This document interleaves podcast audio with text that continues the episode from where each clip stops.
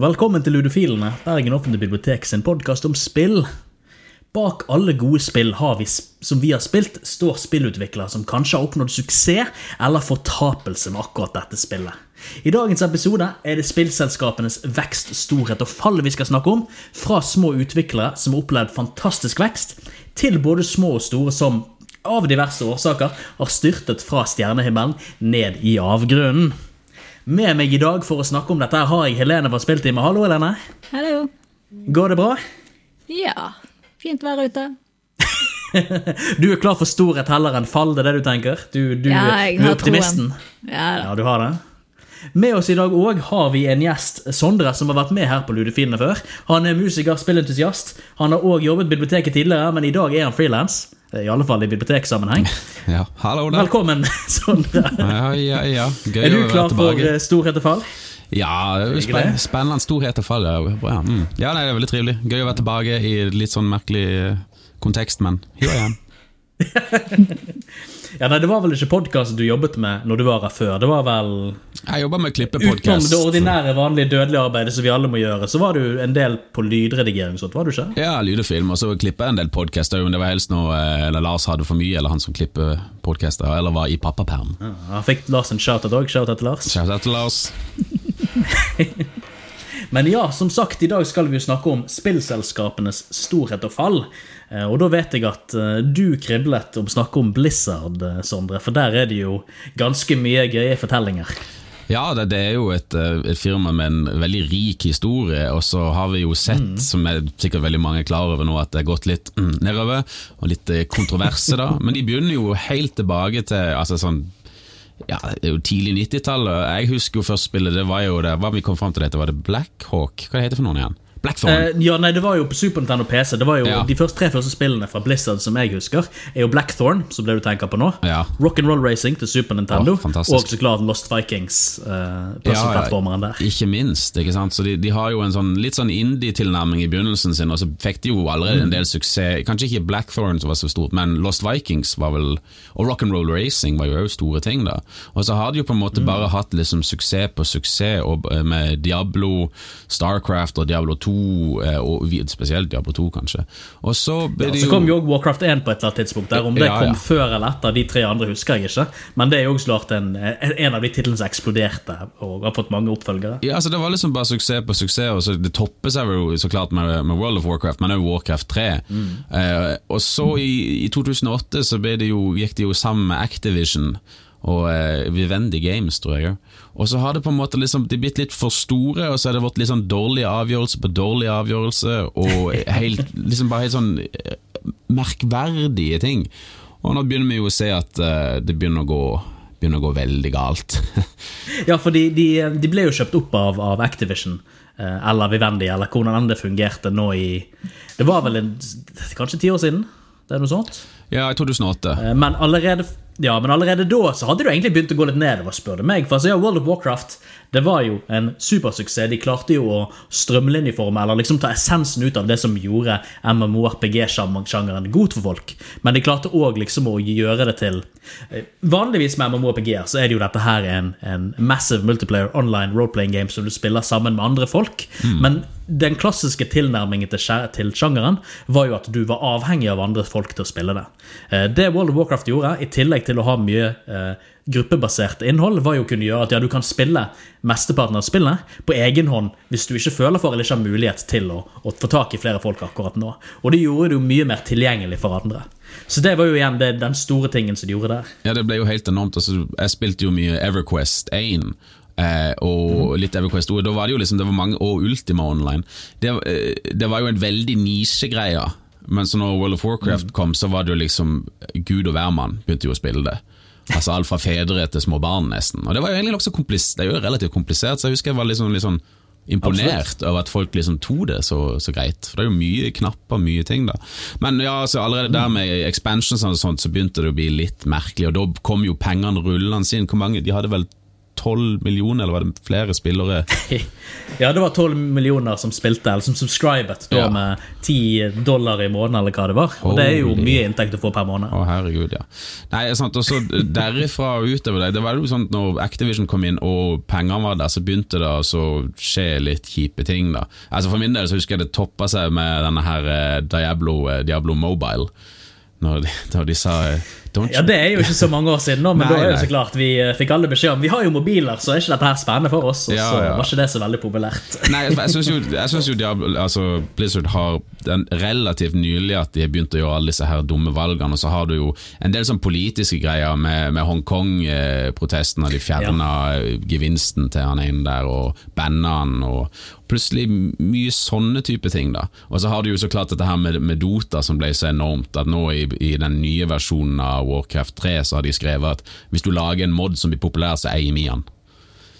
Ja, for det hadde de jo også, er jo en sånn klausul de innførte eh, med Starcraft 2, med det nye creation-kittet der. Ja, om at ok, alt som, alt som lages med Creation Kit, og alt som publiseres på våre spillsider, det har vi bruksrett til. Og det er jo som du sier, det har jo bakgrunn i eh, Defense of the Agents 2, som originalt sett var et custom map for Warcraft 3, Mm. som har så klart blitt superpopulært, og du har fått sitt eget spill eh, seinere, som dere sikkert er kjent med. Det har jo spånet sin egen sjanger. Ja, ikke sant, en hel, en hel egen sjanger, men det, det er jo kanskje noe Jeg synes liksom Blizzards fall er på en måte i gang. Det er, ikke, det er ikke ferdig, men jeg tviler på at de klarer å snu. Det er sjelden man klarer å snu når man er på den der trajectoryen der.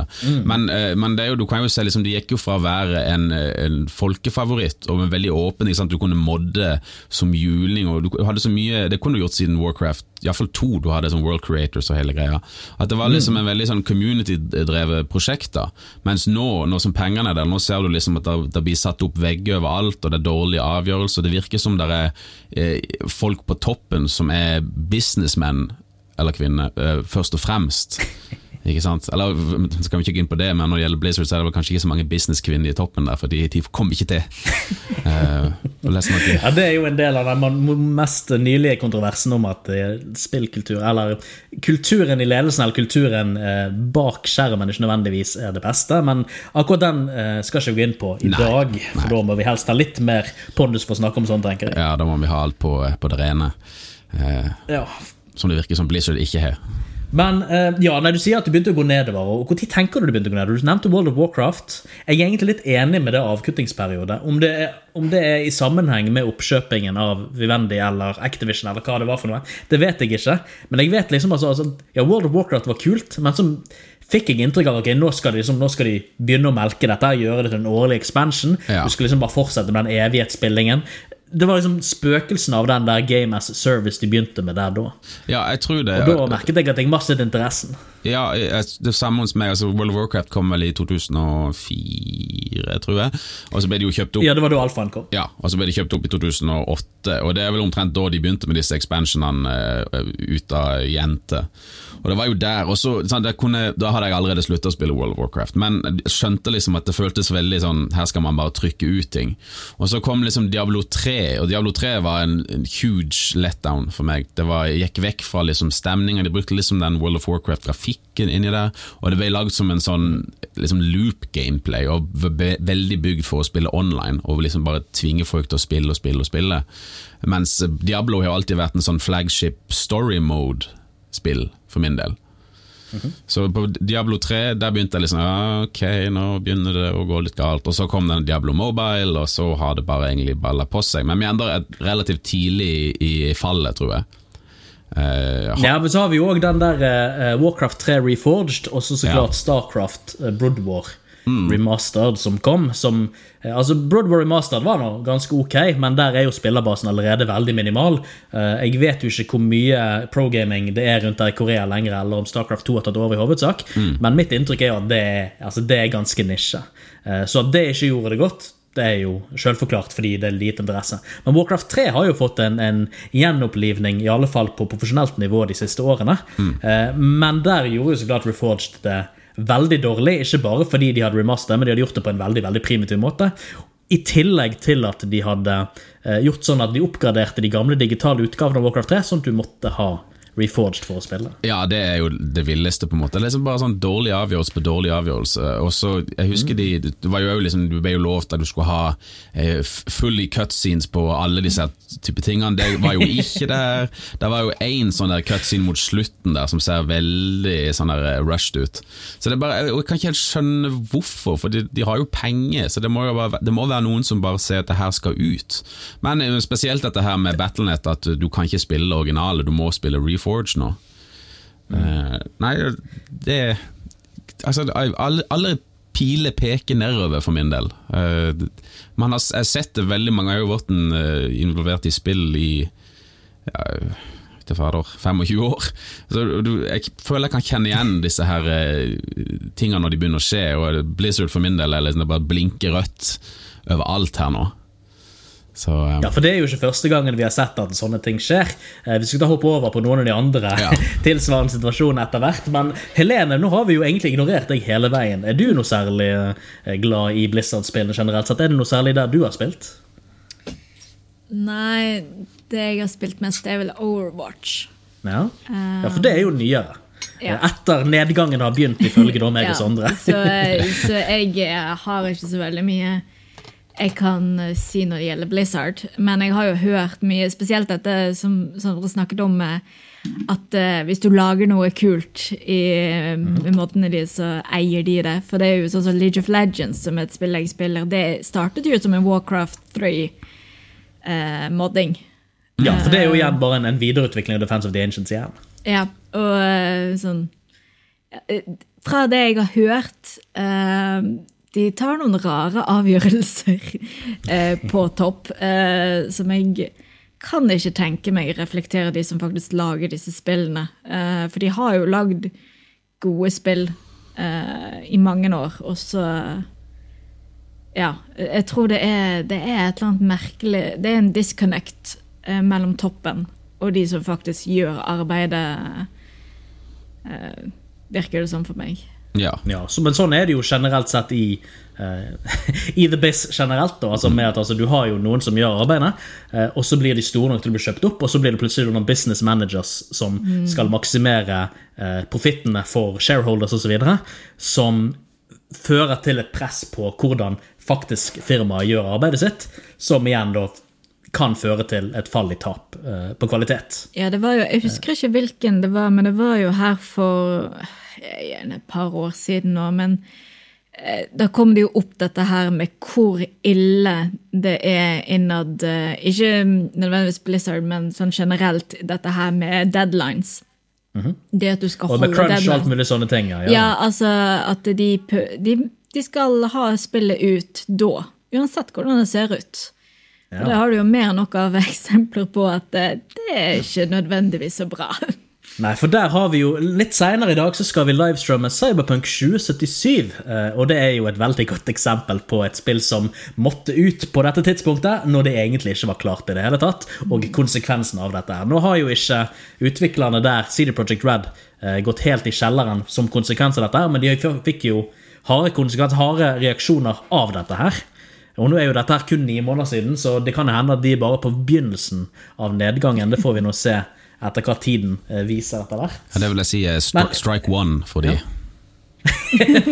Absolutt, for fram til dette her så har jo CD Project Red egentlig bare drevet oppover liksom, på Ja, ja, en sky av glede, fordi alle folk har jo vært så, så entusiastiske av hva de lager. Ja, ja, det, det er jo Dette, disse begynte jo som en liten greie. Ja, veldig liten, ikke sant? Det er jo, men det er jo vårt fantastiske spill òg. Og på den tida var jo Witcher bokserien var populær, men det var enda litt nisje, da.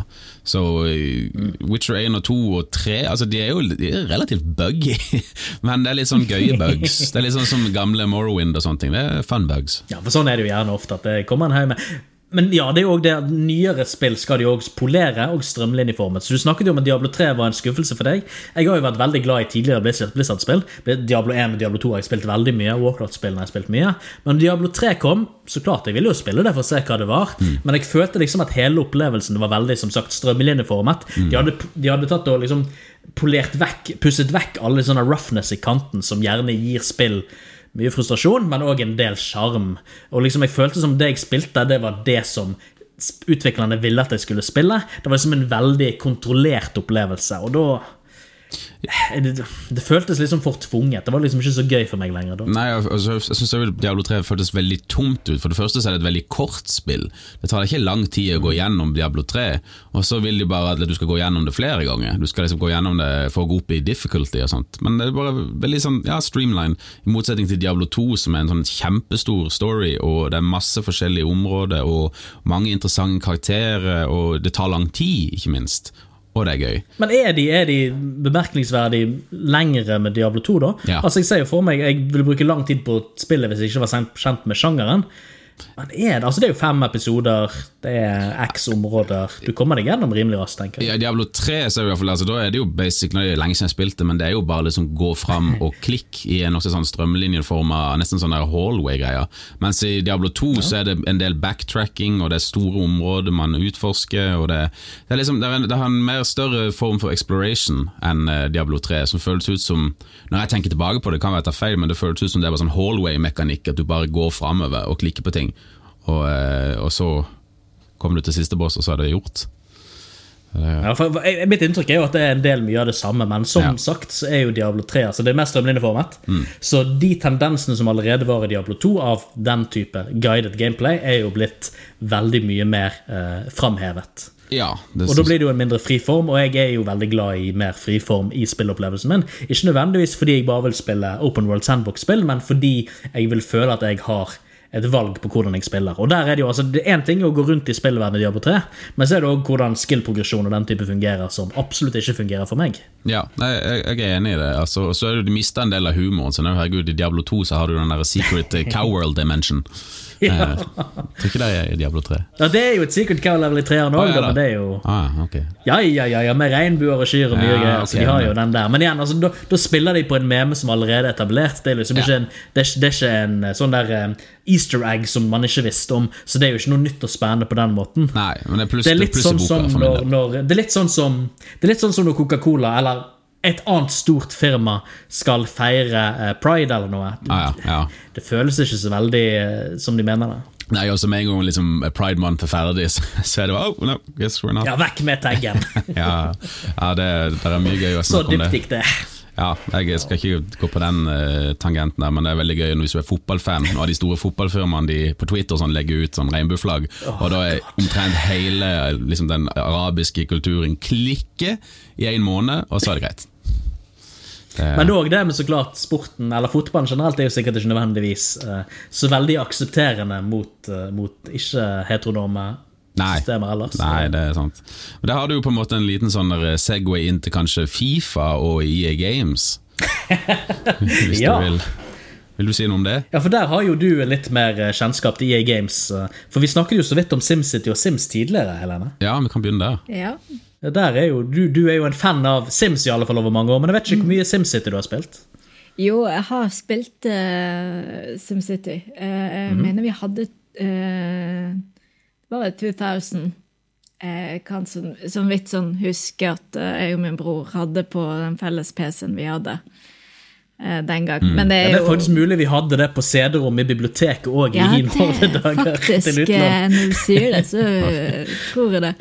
Nei, så, Men det er hovedsakelig Sims eh, som jeg kjenner til. Og da er det jo eh, Maxis som er skaperne bak disse Ja, det er jo Will Wrights and Maxes Maxis som var det originale. Og de ble jo kjøpt opp av For det begynte å gå dårlig eh, med de etter hvert. De, de pøste jo ut alle disse her Sim-spillene sine på seint 80-, tidlig 90-tallet. Og på et eller annet tidspunkt så begynte det da å gå ned eh, før de ble kjøpt opp av EA. Eh, og det gikk jo ikke sånn at det gikk ned med en gang, da. For det er jo i den perioden med EA at Sims kom ut, og man kan jo argumentere for at det er den største suksessen deres. Kanskje en av de største um, Hvis du ser på inntekt, eh, en av de største eh, i PC-verdenen. Ja, det Eh, er Men så er det da at eh, For de som ikke vet, så uh, Maxi forsvant jo fra Sims på et tidspunkt. Eh, hvor de begynte å fokusere på Spore. Ja, Spore er jo òg en, en opplevelse. Eh, ja, det eh, Og da Altså, jeg reflekterte ikke over det den gang.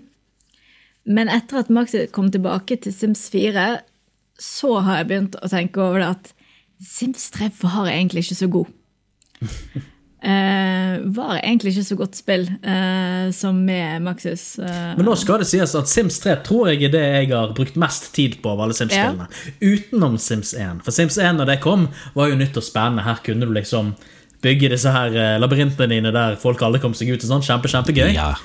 Men med Sims 2 så var det jo bare fortsettelse, tenker jeg. Med Sims 3 det kom vel på en periode jeg spilte veldig veldig mye spill. Eller hadde tid til å spille mye spill. Altså, det, det er ikke dårlig. Eh, det er jo ikke det. Men det er ikke like godt som Sims, Sims 2 og Sims 4. Eh, Kom Sims Pets ut til Sims 2 noen gang? For jeg tenker Det er jo den viktigste expansionen som fins i alle Sims-spill. Det er jo når du kan få en katt eller en hund eh, hjemme hos deg sjøl. Jo, jeg tror det. De hadde kjæledyr. Ah, ok, ok, ok. Ja, da, da kan jeg være enig med deg at det var et bra utgave. Jo, fordi de hadde kjæledyr, og, og i treeren så kunne du få hest og, og sånt. I de sånn pets-greier, da. Men du kan jo også Men det er Fordi jo at det, det, det kan hende at jeg tar feil, men treeren Der kan du snakke om å pøse på med disse tilleggsspillene som Sims er notorisk for. Ja, det var vel der hele den der eh, Jeg har lyst til å si at det er EA som fant opp denne DLC-galskapen eh, med mikrotrans ikke mikrotransaksjoner, da, men, men iallfall med små tilleggsslipp som har da eh, forpestet spillbransjen siden. Og om de ikke var de som startet, så i hvert fall de som har gjort det til liksom en uh, markedsplan. Ja. da. Men du prøver å snike deg inn her med, med noen kommentarer, Sondre. Hva tenker du på? Nei, det var bare liksom Det er jo et godt eksempel av et firma som, eh, som begynte veldig bra. Jeg husker jo, jeg spilte jo SimCity til gamle PC, og på Super Nintendo. Og så når de ble kjøpt opp av EA, da, så hadde de jo den enorme suksessen med Sims 1. Og jeg, jeg spilte med Sims 2, og forloveden min hun spiller enda Sims 2, men hun vil ikke ta i Sims 3. Eh, men da begynte, jo, da begynte det med expansion packs uh, ut, av, eh, ja, ut av rumpa, eh, og har fortsatt med det. Men så i Sims 4 nevnte du at det kanskje er blitt litt bedre igjen. Ja, om det er tilfeldigheter at uh, ting skjedde samtidig, det, det kan man jo uh, spekulere i uh, til de tusener. Men med Sims 4 i hvert fall, etter at Maxis er tilbake og er hovedskaperne bak det, så er de begynt mye mer med gratis oppdateringer. Og det er ikke bare sånn bugfix, men det er faktisk at de legger til gameplay i disse gratisoppdateringene. Så du får en mye mer opplevelse Altså du får et mye mer eh, fullverdig spill med å bare kjøpe basespillet eh, med fireren. Sånn som det var med toeren, vil jeg argumentere. Toeren var også sånn Ikke det at du fikk oppdatering, men toeren, basespillet der, er et helt fullverdig bra spill. Og så er tilleggene bare bonusting, da. Eh, treeren var ikke sånn. Der, eh, Hvis du bare har basespillet der, så går du glipp av mye. Altså, Hvis du ikke vet bedre, så er det sikkert veldig bra, og sånn, men du, du føler at eh, for at det, det skal være et sånt spill du bruker mange tusen timer på, så må du ha resten, og det er jo det Sims er, det er et sånt spill. Men eh, med fireren så er det Men det er jo det kanskje det de tenker Ja. da utvikler om at skal man bruke mange tusen timer på det, mange tusen timer på det, så har man kanskje òg råd til å betale et par ekstra dollar for hver av de tusen timene. Ja, det, men Og det kan man òg fortelle seg sjøl, kanskje. Ja, men så er det viktig å huske liksom at når, når Sims kom, at det, det gikk jo ut forbi den vanlige eh, spillgrupperinga av folk som spilte spill. Det ble jo en household thing. ikke sant? Og det samme med liksom Nintendo Wii. Hvis du får alle disse her eh, vanlige familiene til å kjøpe det, da kan du melke dem. ikke sant? Nintendo Wii det er jo, det er jo tusenvis av sånn shovelware-greier. Og jeg tror det er jo noe Electronic Arts eh, Jeg mener jo de er synderen her, må vi huske at de ble kåra til verdens verste firma to år på rad. Det er Kanskje dra det litt langt, egentlig, men, men liksom, de ble iallfall det. Og det er nok det bare liksom denne her gamification, eller monification av gaming, da. Så, eh, men det virker som at det endrer seg litt nå, for det er jo alt med lootboxes og sånne ting, at det er jo blitt ulovlig noen plasser. Via EU, er det ikke det, med lootboxes? Ja, det, det, er, jo, ja, det er jo gambling, har det blitt. Ja, ikke sant? så det har jo på en måte liksom bare steg og steg, og jeg har jo stått bak mye av dette her, og så har det på en måte truffet en liksom platå nå. Men de prøver jo enda å snike det inn i nye veier, da. Så det er liksom, du blir aldri kvitt det. Og det går jo over på Fifa-spillerne òg, ikke sant. De var jo Ja, absolutt. Mye bedre. Altså, jeg husker Fifa 98, det var jo helt fantastisk. Du hadde til og med sånn innefotball eh, du kunne spille. Og, eh, men så nå som er nå, da er det et nytt Fifa hvert år. eh, Og det som endres, de endrer noe, gjør noe dårligere. Det som, alt som endres kunne blitt gjort i en update. Ikke sant? Du hadde ikke trengt å gitt ut et nytt spill for å gjøre det. Eh, I tillegg så har du jo dette her eh, Hva det heter for noe, det der team eh, Du husker det, Lasse? Ja, Ultimate Team eller Ultimate sånt. Team som de nå kjører heftig på. Så I det siste Fifa så har de strippa ut veldig mye annet, og så er det veldig heftig satsing på dette her, fordi at kids Mm. over hele verden spiller Fifa, og, og de spiller det. Så du har liksom lagt sånn eh, nesten sånn der kortstokke du kjøper, og så får du sånn Å, kanskje en shiny card. Nesten som Pokémon-kort. Ja, for det, det er jo den klassiske gacha-løsningen der med at du kjøper en booster Mm. som du ikke vet hva du får i, men hvis du liksom vil ha, den, hvis du liksom vil ha denne spesielle spill, spilleren, hvis du vil liksom ha Zlatan Ibrahimovic, så er ikke det sikkert du får han, og da fortsetter du å kjøpe til du får han, Mm. for han er liksom en viktig del av ditt fantasy-lag. Ja, ikke sant. Og dette Og det er jo det mye penger i. Veldig mye, ikke sant? og dette er jo en veldig kjip utvikling. Og sant, og det, det, det er jo, jeg vet ikke om man kan si at EA kommer til Dessverre må man nesten bare si at det er en rise, men den, den, altså, det har jo falt i, i spillernes øyne, så klart. Men for uh, shareholders er det nok uh, full fest. Og så er det jo det at selv om uh, spillere flest syns dette er et idiotisk system, så liker de likevel spillet. De bruker likevel pengene. Ja, eh, og så, Så selv om de kanskje er irritert over det, så hindrer de ikke å, å stemme med lommeboken, som det kalles. Nei, også, eller, jeg hadde en samtale med eh, en søskenbarnet mitt, og han spiller liksom mye Call of Duty og Fifa og sånne ting, og han klagde til meg at liksom, ja, du må alltid bruke så mye ekstra penger, liksom, og han syntes det var så kjipt at spillbransjen er sånn. Men så liksom sa han, ja, men du vet at det er spill der du ikke trenger å gjøre det, og han bare, hæ, nei, alle spill, du må, der er, der er sånn på alle spill, sånn, nei, nei, men der, er, der finnes singleplayer-spill der du ikke må det, og det var, det var helt fremmed for han. Det, ja, det er jo sånn, han spiller Så mye trist. Rocket League. Ja, det er jo veldig trist. Liksom. sånn, Han har aldri spilt et Zelda-spill, han har aldri spilt noe sånt. Det er bare competitive gamers, uh, shooters, ikke sant? og type Mm. sånn Rocket League. Og en del av de, selv om ikke det er sånn Sikkert mobilspill mye òg. mye mobilspill, og og selv om noen av de er det ikke nødvendigvis pay to win, men det er iallfall pay to look cool. Altså sånn cosmetics upgrade og sånt. Så allerede der Altså herregud, se på, eh, på Counter-Strike, CSGO. Det er jo ikke noe pay to win der, men folk betaler jo eh, 30 000 kroner for en AK-47-skin. Jeg- Ja, det er samme League of Legends eh, som jeg spiller. Altså, det, det er ikke noe pay to win der, men eh, jeg har brukt en del penger der på skins. Altså. Det Ja, ja, er helt sant. idiotisk, men eh, Altså, ja. Tilbake i Diablo 2-tida, hvis vi går tilbake til Blizzard, jeg husker det var jo sånn oppslag i alle sånn spillmagasin der det var en level 99 eller level 60 var det kanskje var maks der, eh, Barbarian som ble solgt for 20 000 kroner. Solgt som en karakter, da. Og Jeg husker hvor insane det var på den tida. Liksom, alle bare 'hæ? Kan man tjene penger på dette her?'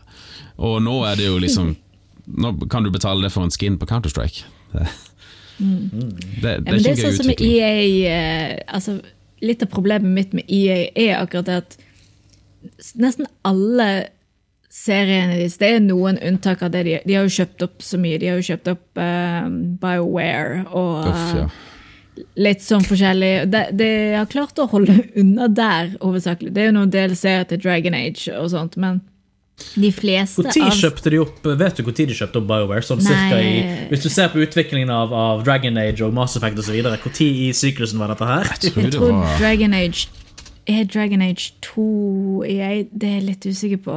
Jeg tipper Dragon Age jeg skal, jeg skal se, jeg tror eh, Dragon Age 2 er EA.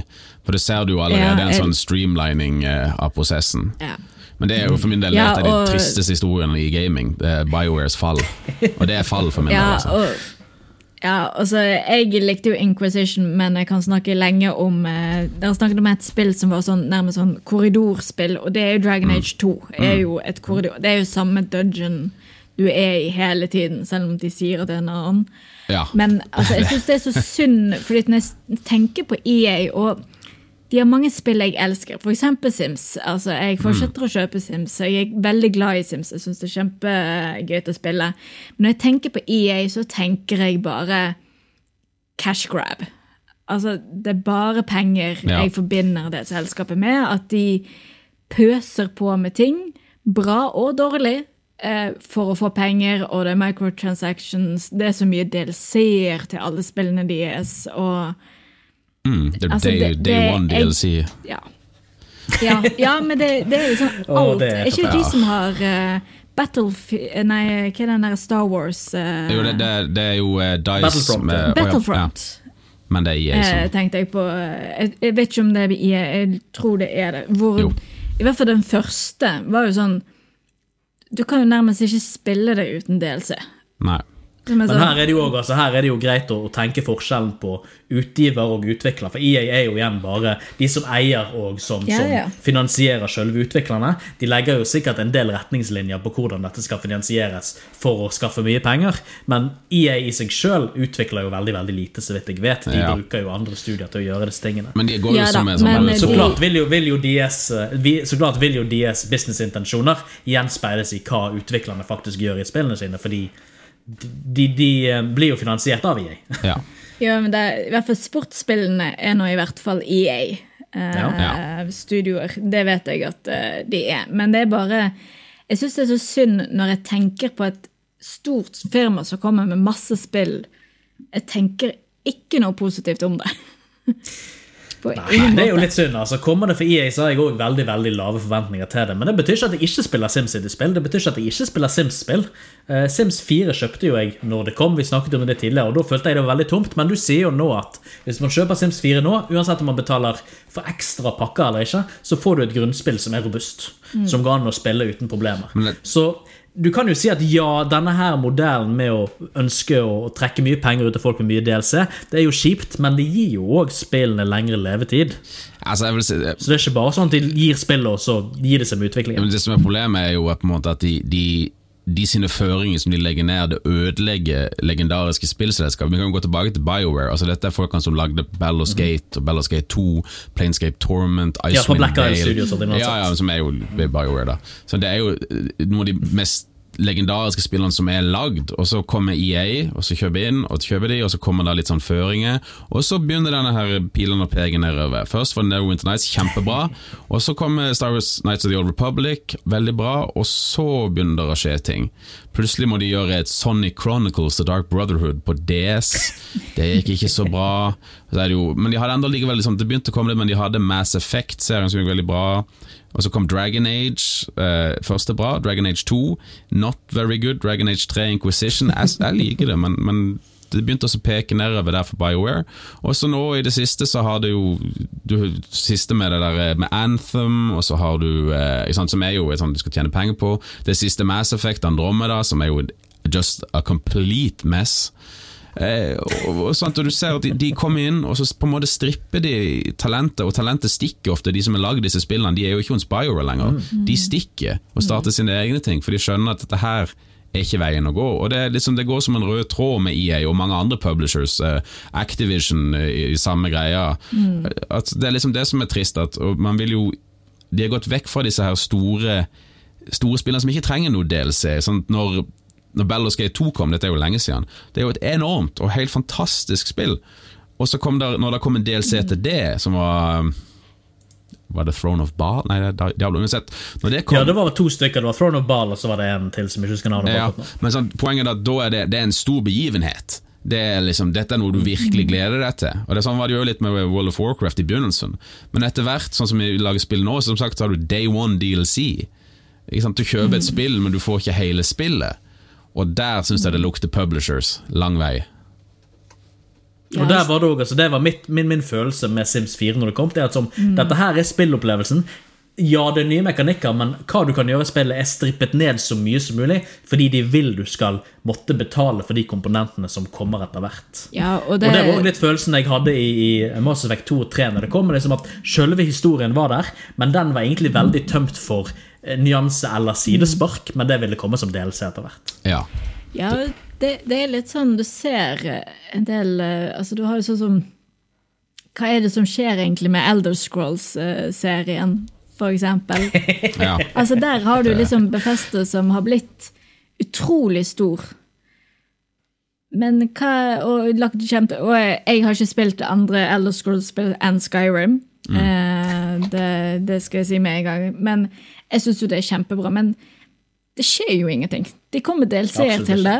De kom med ny HD-versjon av det. Det, er ut, det kommer ut eh, igjen, for de som ikke har funnet det ut. Ja, Det er jo tiårsjubileum for Ja. Skyrim i år. Ja, det jo, det, de har jo 2011. eh, denne her eh, online-spillet sitt, eh, så det kan hende at det er derfor eh, det ikke er Men det er sånn, hva, hva er det som skjer der?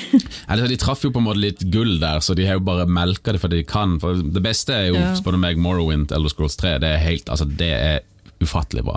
Og så Oblivion er bra, men det var liksom litt step down. Men på Skyrim så var det de traff et eller annet. Skyrim er jo fantastisk spill, og så er de bare ja, do, Bare lage Skyrim til Gameboy.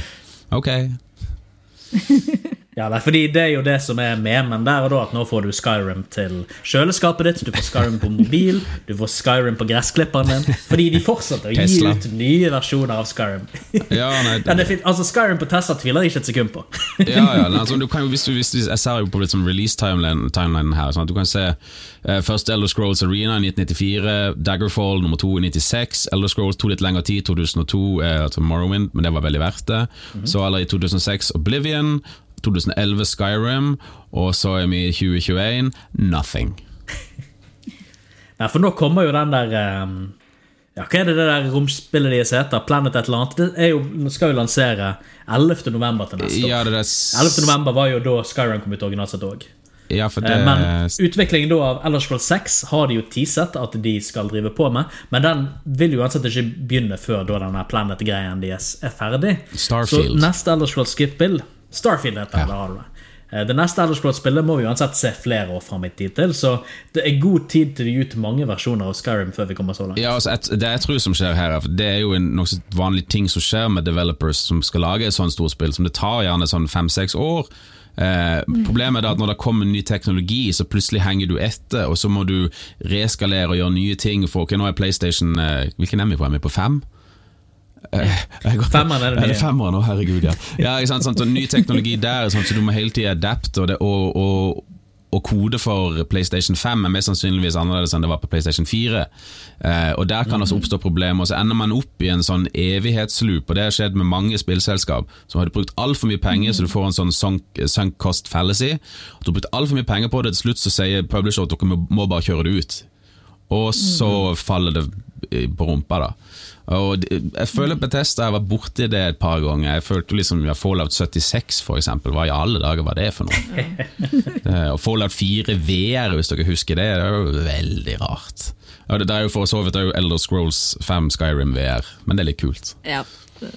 Ja, Det har jeg hørt skal være en kul opplevelse. Ja, jeg tror det. Fordi det, det, igjen, det er den verden, Skyrim-verden som så klart er selling pointet for Skyrim. Som Ja. rundt i den kule naturen Det får du sett på en helt annen måte. Men jeg har ikke opplevd det sjøl, så kanskje det er det som er neste versjon av Skyrim jeg må kjøpe. Men- det er så mange å velge mellom. Ja, men Bethesda går jo, faller jo absolutt inn på det vi snakker om her. Ikke sant? Veldig eh, fin sånn stigende kurve, og, og egentlig suksess på suksess. Og så rundt Fallout 4 så begynner det å slå litt sånn sprekker. Og da det Ja. topper seg jo veldig med Fallout 76. Og så hadde de et som heter Elder Scrolls Blades til Nintendo Switch, som var jo helt forferdelig. Og så har det nesten bare vært stille, for Fallout 76 var sånn enorm eh, trøkk i salaten. da.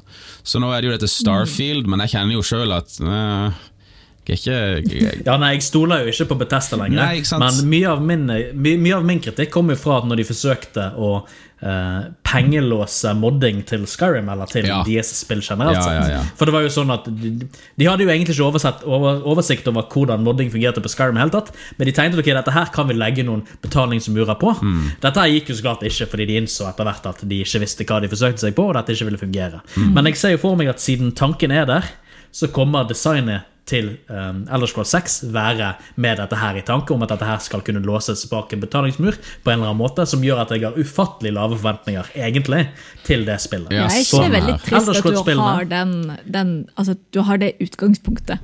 Jo. Det er veldig veldig trist, men det er jo de som har skapt det. Fordi Ja. altså, nå er jo uh, Elder Scrolls-spillene eh, er jo kule, men de trenger modding for å liksom gi dem den dybden, den vidden som disse spillene egentlig fortjener. Fordi sånn de spillene jeg har sikkert sagt det her på podkast flere ganger før, er at de føles veldig tomme. De er store og fine, men det er veldig veldig lite i dem. Bortsett fra Morrowind. da må de jo fylles med noe. Morrowind var, var fullt til randen. Men, men en ting man jo kan Det er sant. Både Morrowind og Daggerfall er fantastisk. Ja, ja, ja. Men så- Men en ting som er jo en ting som går igjen her, hvis du husker Morrowind, det er ikke sikkert alle som har spilt det, helt fantastisk, fullt til randen, men også veldig buggy. Veldig mye rart som skjer, og det er jo så klart open world vanskelig. Men de, de bygger enda på den samme motoren. Det er den samme grafikkmotoren Ja. som vi bruker på eh, Fallout 4 og Fallout 76.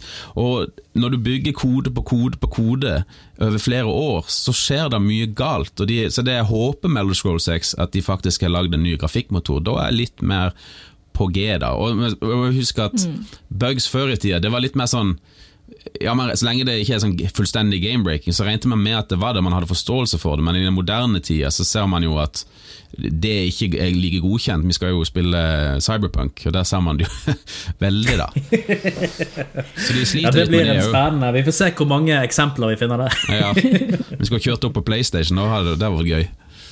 Det blir vel PC vi skal Ja, spille det på. hadde vært optimale. Det er jo PlayStation vi har dette utlån på, på biblioteket. Ja. Eh, og der, eh, Det er jo PlayStation 4 og Xbox One-utgavene som har vært de som har vært mest trøblete, Ja, ifølge publikum. veldig. Nå har de jo fått masse, masse patching siden, men jeg vet ikke hvor godt det fungerer fremdeles. Ja, nei, eh, vi, får se. Jeg syns jo det var, det var trist, på en måte. Det er jo et veldig, var et veldig lovende spill, da. Men eh, alle var jo sånn Det er jo veldig sånn by the news, fordi at CD Project Red har jo nesten ikke gjort noe galt fram til det. Eh? Så det, jeg skjønner, det er jo, Man kan snakke om det sånn der pre-purchasing pre av digitale spill. Det, det forstår jeg ikke i det hele tatt. Liksom. Du kan jo ikke gå tom for et digitalt spill. Eh, så det er jo sånn det man kaller by the news. Eh, og, og det Jeg forstår det ikke. Jeg forstår det ikke. Nei, da, altså, Jeg forstår jo at mange har tiltro til CJ Project Red fordi altså, deres spillhistorie har bare vært positiv. Men dette her kan også vært at Witcher 3 har vært toppen, og at de er nå på vei ned pga. dårlige businessvalg som tvang ut dette spillet før tiden. Ja, vi får se. Det, det, det er liksom Det peker det er, Som jeg sa, strike one. Vi får se hva de gjør eh, etterpå, da. Men du har jo et sånt, eh, sånt spillselskap som har blitt enorme, som Rockstar Games. Ikke sant? Er det det Rockstar heter? Eller? De, som lager er GTA-spill. de som har laget GTA, tenker Ja, ja, det er jo lenge siden GTA 4 kom, men de bruker lang tid og klarer likevel å levere. Så Red Dead Redemption 2 er jo et enormt imponerende spill. Absolutt. Og de har jo blitt veldig store. Jeg spilte jo GTA 1. Jeg husker De har jo hatt sånn fin oppoverkurve, og de er jo GTA 4, det er lenge siden det kom, men de er liksom Der ser alt bra ut. Ja, Det er vel GTA 5 som er det som er aktuelt akkurat nå? Ja. GTA 5, sorry. Det, GTA 4 var eh, det russiske, ja. Eh, GTA 5 da, Ja. det har ikke jeg spilt så mye, men da, da føler jeg kanskje at det er for lite fornyelse. At det, det er den samme loopen sin GTA 3, da. Absolutt. Så det går litt i Ja, nei, men nå skal jo de, mens vi snakker om Rockstar, nå skal jo de ut uh, remasterede versjoner av bl.a. San Andreas, som er en av mine GTA-favoritter. Absolutt. Eh, Om jeg kommer til å spille det på nytt igjen, det vet jeg ikke. For det var jo veldig kult når jeg spilte det.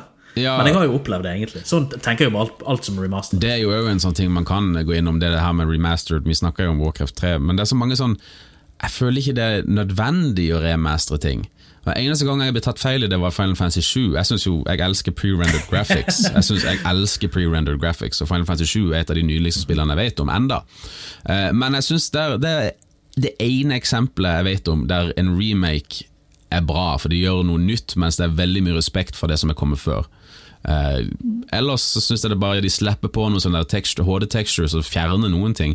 Altså Det, det er det allerede mod-community som gjør.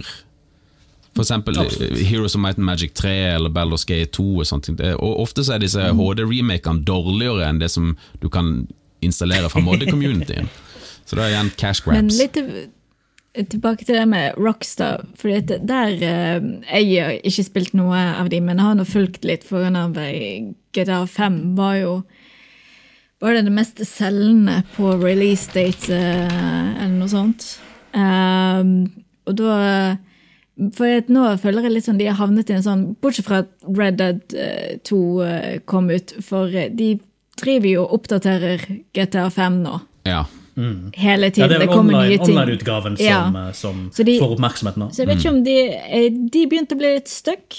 Det er jeg litt nysgjerrig på, siden det ikke har kommet noe eh, nytt der. Og nå, hvis de driver nå med remasteringen, det, ja. det er ikke et godt tegn. Nei, jeg er enig. Det er Nei, jeg er helt enig med det, for det er jo samme greien med, med Red Dead Redemption 2. Nå er det kalt Red Dead Redemption Online, som da er den multiplayer-delen av Red Dead Redemption 2 som de da fokuserer på. Samme som med GTA 5 Online, der de fokuserer da på multiplayer-delen. Og det kan jo hende da at de tenker at det er da Game as Service, det er det de kommer til å fokusere på fram, så det kommer ikke noe nytt fra de fordi de henger fast der. Ja. Og det kan jo òg være da en sånn decline som vi har snakket om nå i hele episoden. Ja, jeg, jeg, Jeg er litt redd for det for de som er fan av eh, disse seriene. At, mm. For det, det er litt det jeg tenker med Elder Scroll om online. Har rett og slett gjort litt at fokuset skifter. Eh, Er det det? Absolutt. Det er vanskelig å si. Er det problemer med production? Det vet vi jo ikke. Sånn, altså, at de har problemer med å få det Sånn som du sa, Sondre, få det ut før teknologien blir for god, da. Um, så, men, eh, ja, så tenker jeg jo det liksom, Hvis man har en online-ting hvor man tjener veldig mye penger, så det kanskje vanskelig å, å justify at man skal bruke enormt mye penger på å lage et nytt sånn singleplayer-spill, når vi Ja. får inn liksom budsjettet på dette spillet, det, det renner jo inn penger online. Uh, Mm. Men jeg lurer på, nå er jeg ikke helt sikker, men Elder Scrolls Online, jeg- sånn som jeg husker det var i begynnelsen, så var det mye problemer og nokså buggy, og folk forlot nokså tidlig. Men så tror jeg kanskje Mm. de, de liksom uh, fiksa det opp. Jeg tror det går veldig bra nå. Ja, for jeg hører jo Jeg at det går de veldig Jeg tror de bra. har blitt, de har blitt gjenopplivet. Ja. Ja. Det, Har noen av dere prøvd det? nei. Nei. Ikke? Jeg heller. altså, Elder Scrolls for meg er singleplayer. Det er jo liksom Ja. the singleplayer flagship i moderne 3D. Så bare liksom tanken på Elder Scroll online liksom, Nei, det føles feil ut. Det er en skjæringsgreie Ja. i hodet mitt. Ja, for meg òg. Det, det er aldri eh, fristet eh, Eller jo, det har fristet, det skal jeg ikke si. Det, det har nå vært nær. Men nei.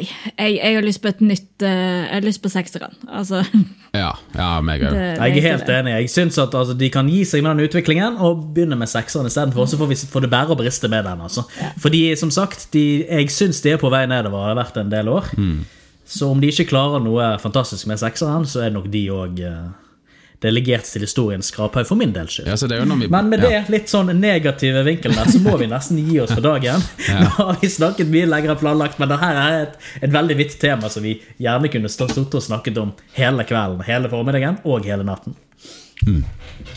Men til neste gang jeg er Lasse, og med meg i dag har jeg hatt Sondre, som var gjest. Veldig, veldig hyggelig at du hadde mulighet til å være med i dag. Takk for det.